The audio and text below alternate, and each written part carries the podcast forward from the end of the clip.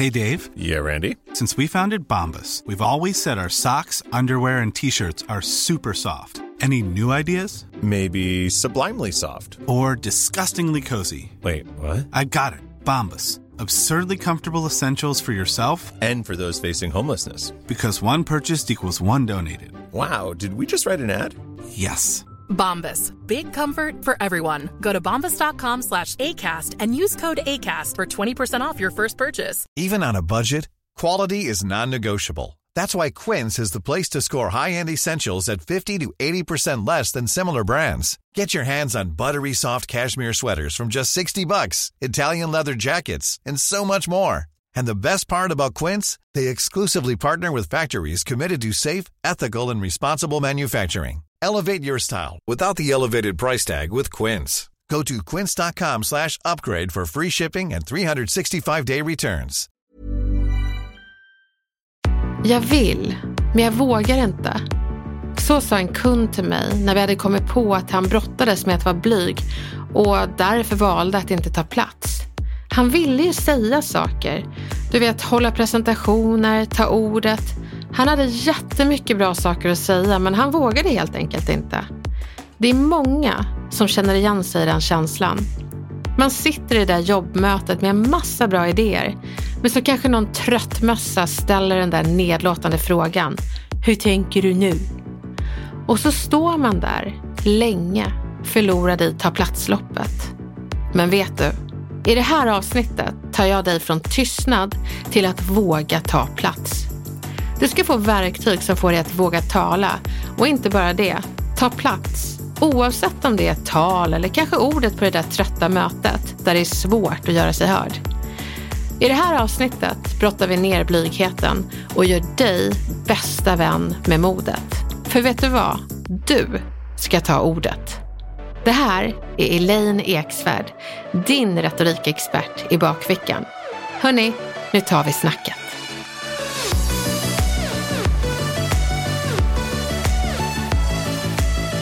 Du lyssnar på Snacka snyggt.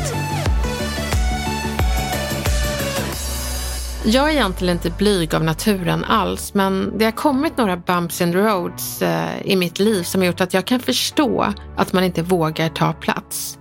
Som till exempel det där hemska föredraget som man fick ha någon gång under mellanstadiet och prata inför en klass som är helt ointresserad för att man fick ju inga verktyg till hur man får folk att vilja lyssna. Det är en liten setback, men jag har haft större setbacks. Jag blev ju föreläsare och det var ett tillfälle som gjorde att det tog lång tid för mig att våga stå inför folk och tala igen.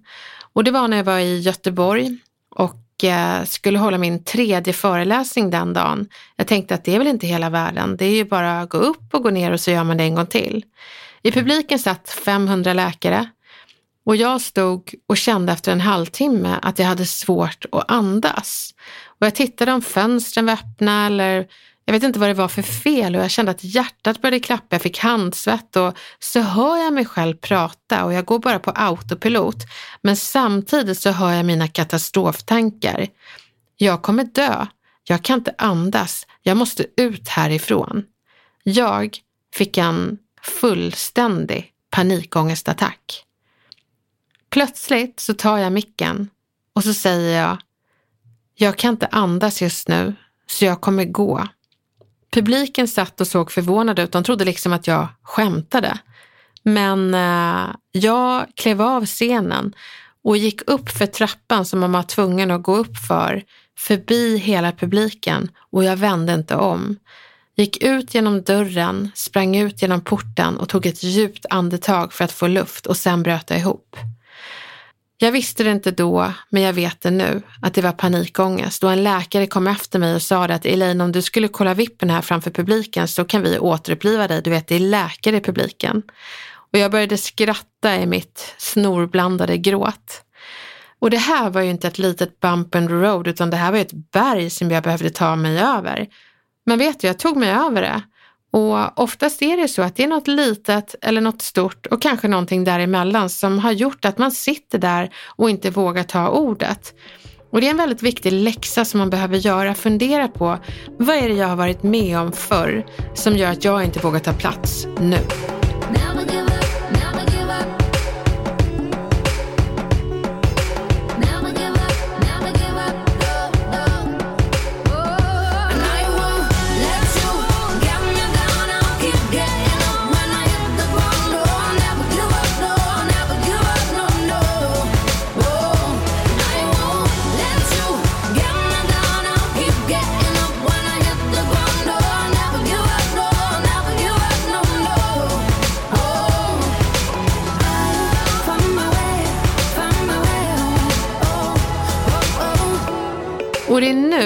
Ska göra jobbet för att du ska våga ta plats. Det första du ska göra det är att få en översikt på din rädsla. Och vad menar jag med det? Ja, om vi går till stress så visar studier att vi minskar stressen radikalt när vi skriver ner allting som vi behöver göra för dagen. Då får vi liksom ut allting som surrar i huvudet och skriver ner det på ett papper så att vi ser det svart på vitt. Det ger en känsla av kontroll och översikt som man faktiskt gärna vill ha när man är stressad.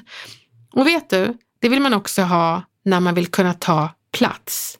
Det du ska göra för att få översikt på det som hämmar dig från att ta plats och ordet, är att skriva ner det.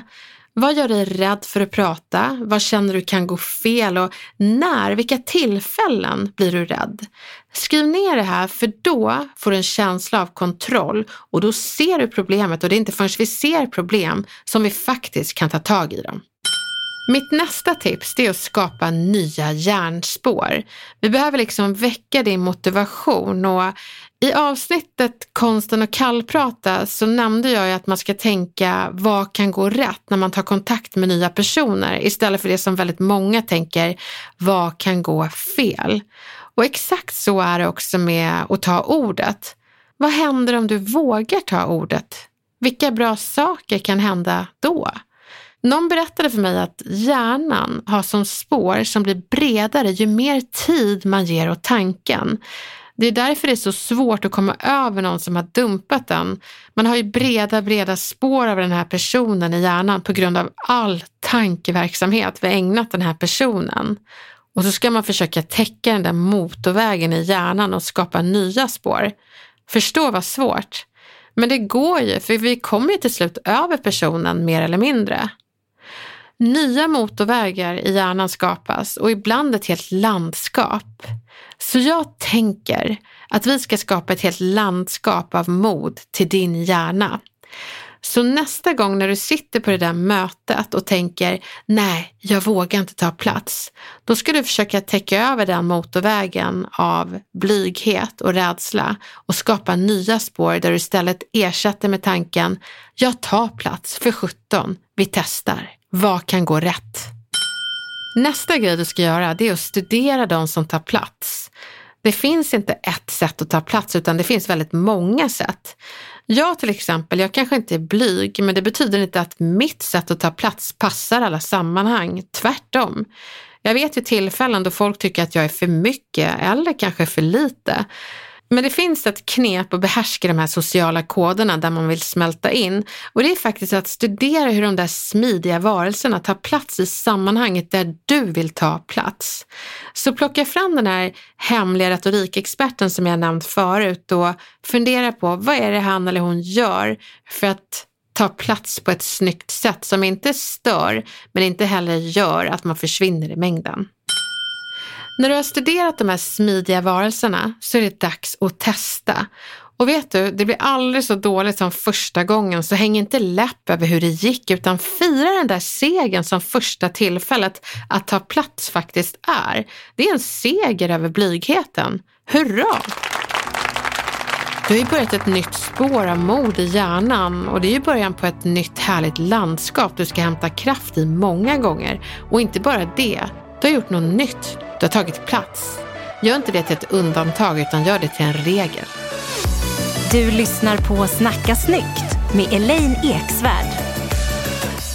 Nu ska vi gå in på vad du faktiskt behöver tänka på när du väl tar plats. Och det finns några retoriska knep som är väldigt bra att ha med sig. En grej är att ha ögonkontakt med precis alla i sammanhanget och eh, att du har deras namn i åtanke när du själv ska ta till orda. Om du minns vad sammanhanget heter och nämner deras namn ibland så är ju karmaeffekten att de tycker du är värd att ge utrymme av ett litet skäl och det är att du har sett dem först.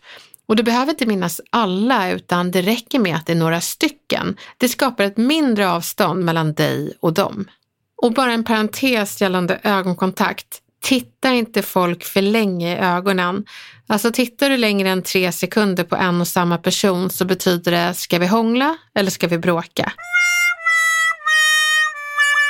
Inga två bra alternativ när man vill ta plats.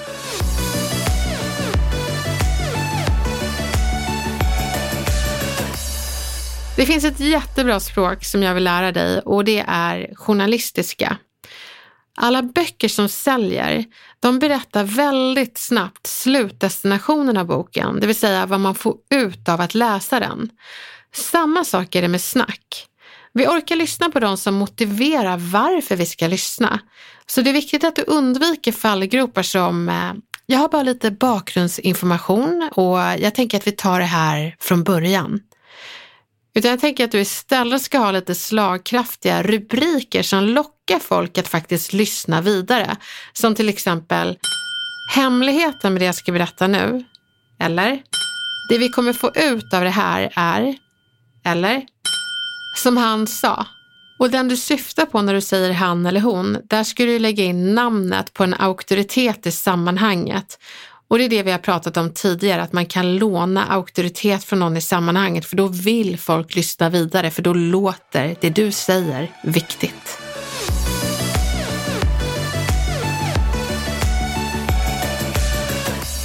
Den här älskar jag, mm-metoden. När jag var moderator så gjorde jag alltid det när jag ville avbryta någon i panelen eller faktiskt komma in i sammanhanget. Så jag tänkte, Camilla, om du bara berättar vad, vad du gjorde i helgen. Åh, då drog vi till... Mm. Yeah. Alltså det, det, krävs så lite. Det jag gör nu, det är att jag avbryter det. Du tittar på mig och undrar, var kom det där ljudet ifrån? Jo, det kom från mig. Men det gäller ju att placera de här mm lite smidigt. Det var ju sjukt osmidigt nu av mig. Ja, alltså det kändes som att du var helt ointresserad av vad jag hade att säga. Men, men alltså det är ju inte jättetrevligt att få ett sånt mm. Det fick en effekt. Du började titta på mig och lyssna på mig, men av fel skäl. Du började lyssna för att gud vad otrevlig hon är, varför lyssnar hon inte? Men om vi gör det lite smidigare, berätta vad du gjorde i helgen. Vi cyklade till Gärdet och tänkte spela fotboll med barnen, men det började ju ösregna. Mm. Så att det, mm, det, blev inte, det blev ingen hit. Mm. Det är, visst är det lustigt hur många tonfall mm kan ha? Det, och där har vi så här icke-verbal kommunikation. att det gäller inte bara att säga mm, utan säga det på olika sätt. Mm kan betyda jag förstår eller ja vad tråkigt eller mm så, så ha in rätt tonfall och rätt timing när du säger mm. Men du kommer få uppmärksamhet. Om den är positiv eller negativ beror helt på när du har sagt mm. Och testa, det funkar. Ett till sätt att ta ordet smidigt men också på ett tyst sätt, det är faktiskt att nicka väldigt mycket. Vi tror nämligen att en som ser nollställd ut när vi pratar är helt ointresserad. Men om du nickar nickar så dras vi automatiskt till dig för att det känns som att du vill lyssna. Och då blir det återigen den här karmaeffekten att då vill vi lyssna på dig också. Att le och ta sats i kroppsspråket, det vill säga att vara lite framlutat angelägen med lätt öppen mun som att man är på väg att säga någonting men man gör inte det för man vill inte avbryta men folk ser att du vill säga någonting. Det är riktigt bra. Så studera dig själv hur du ser ut när du gör det och så använder du exakt det kroppsspråket i skarpt läge. Och glöm inte det där leendet, för att en person som ler ser faktiskt ut att stormtrivas och då är det ju väldigt spännande att höra vad den personen har att säga. Men så kan det ju vara så att man inte vill le. Det är ett allvarligt samtal och det är helt okej, okay. då ska du inte le. Utan då kan ett allvarsamt mm passa väldigt bra. Då får du uppmärksamhet och ordet på ett allvarligt sätt. Jag har ett jättebra tankeknep till alla er som tänker varför ska de lyssna på mig? Men vet du, det handlar ju faktiskt inte om dig utan det handlar om det du har att säga. Så låt ordet få plats. Ett bra knep för oss extroverta som kan framstå som lite självupptagna, det är att vi byter ut ordet jag till du istället, eller folks namn i sammanhanget. Då ökar relevansen för de som lyssnar bara vid det där lilla, lilla ordbytet. Om du tänker efter när man köper böcker så står det inte så blir jag miljonär, utan så blir du miljonär. Ibland kan det faktiskt vara så att man tar plats och det går bra, men så kan det finnas folk i sammanhanget som kommer med så här dryga frågor som gör att man nästan luras tillbaka till rädslan. Och då har jag några svar på tal på det. Det kan vara någon som säger, jag förstår inte hur du menar. Då vill jag att du svarar, vad bra att du säger det, för då ska jag förklara exakt hur jag menar. En dryg person kan säga, hur tänker du nu? Då kan du svara, jag är glad att du är nyfiken på det, jag ska berätta. Och det finns ju många fler exempel på så här dryga kommentarer men tanken är att du ska äga din pondus och inte bli rädd för frågor. Ett knep du kan göra det är att alltid berömma frågor oavsett hur dumma de är. För de försöker liksom rucka på din trovärdighet och då ska du visa att du står stadigt genom att berömma, tacka, gå vidare och ha fokus, inte på dig utan på ordet.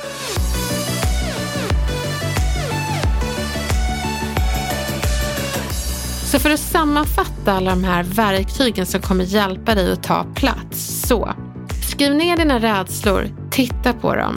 Men skriv också ner dina möjligheter och bejaka dem. Skapa nya spår i hjärnan, ett landskap av mod. Sen, snacka journalistiska. Studera smidiga platstagare där du vill ha ordet. Mm, metoden. Byt ut jag till du. Nicka när folk pratar. Le och ta sats med kroppsspråket. Och sen kör du bara.